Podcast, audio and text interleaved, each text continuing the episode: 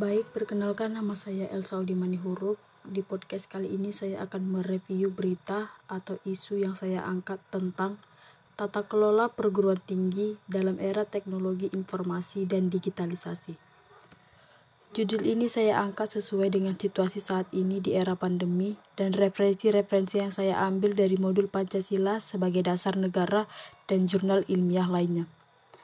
Saat masa pandemi yang tak kunjung menghilang, perguruan tinggi atau kampus-kampus di Indonesia harus bisa beradaptasi dan produktif dalam pengembangan pembelajaran, yang mana tidak terpisahkan dengan teknologi dan digital.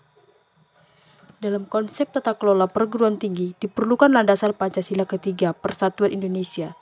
Ya, yang artinya seluruh warga kampus, baik direktur, dekan, dosen, staf, dan mahasiswa harus bisa bersatu berdiri teguh dalam mengembangkan nama baik kampus alma mater dengan cara berkompetensi secara daring, mengembangkan ide dalam pembelajaran daring di situasi pandemi, dengan tidak menjadikan situasi pandemi sebagai alasan untuk berkembang dan berproduktif dalam berkompetensi di situasi pandemi.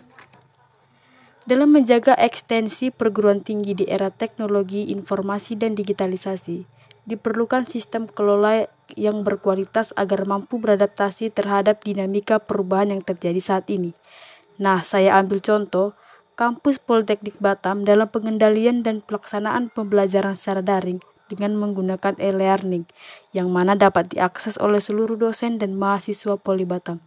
Tata kelola tersebut tentu saja mempermudah proses belajar dan mengajar, mengabsen dengan mudah, melihat dan mempelajari materi, bahkan mengirim tugas-tugas.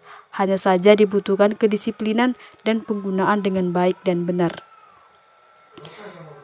Saya pikir juga rasa kemanusiaan dan kepedulian empati juga diperlukan dalam tata kelola perguruan tinggi. Mengapa?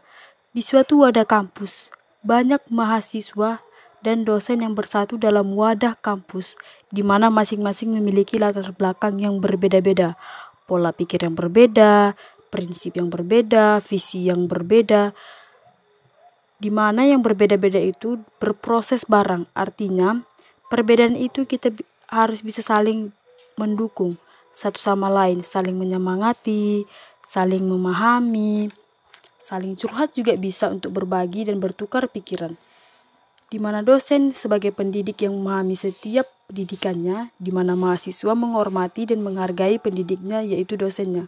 Sehingga terciptalah Tuturi Handayani di mana di depan sebagai pendidik dan teladan, di tengah memberi ide, di belakang sebagai pendorong atau penyemangat. Demikianlah wacana saya hari ini tentang era teknologi di masa pendidikan.